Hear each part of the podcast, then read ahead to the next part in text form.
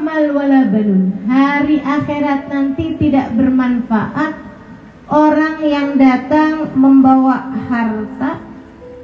Tidak bermanfaat orang yang datang membawa anak. Yang bermanfaat bukan tidak jadi pertanyaan artinya bukan standar ya. Akan ada pertanyaan dan penghisaban mengenai apa pun yang Allah berikan di atas muka bumi ini akan tapi maksud saya nilai seseorang di hari akhirat nanti tidak bergantung kepada banyaknya harta, tak pula bergantung kepada banyaknya anak yang dia punya, akan tetapi bergantung kepada man atallah biqalbin salim.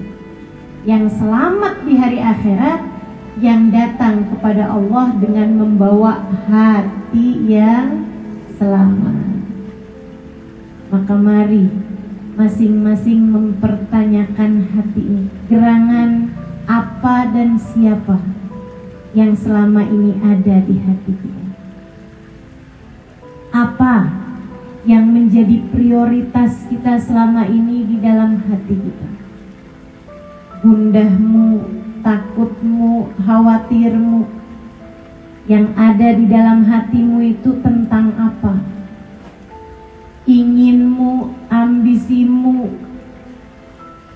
targetmu, tujuanmu yang ada di dalam hatimu, motivasimu selama ini apa?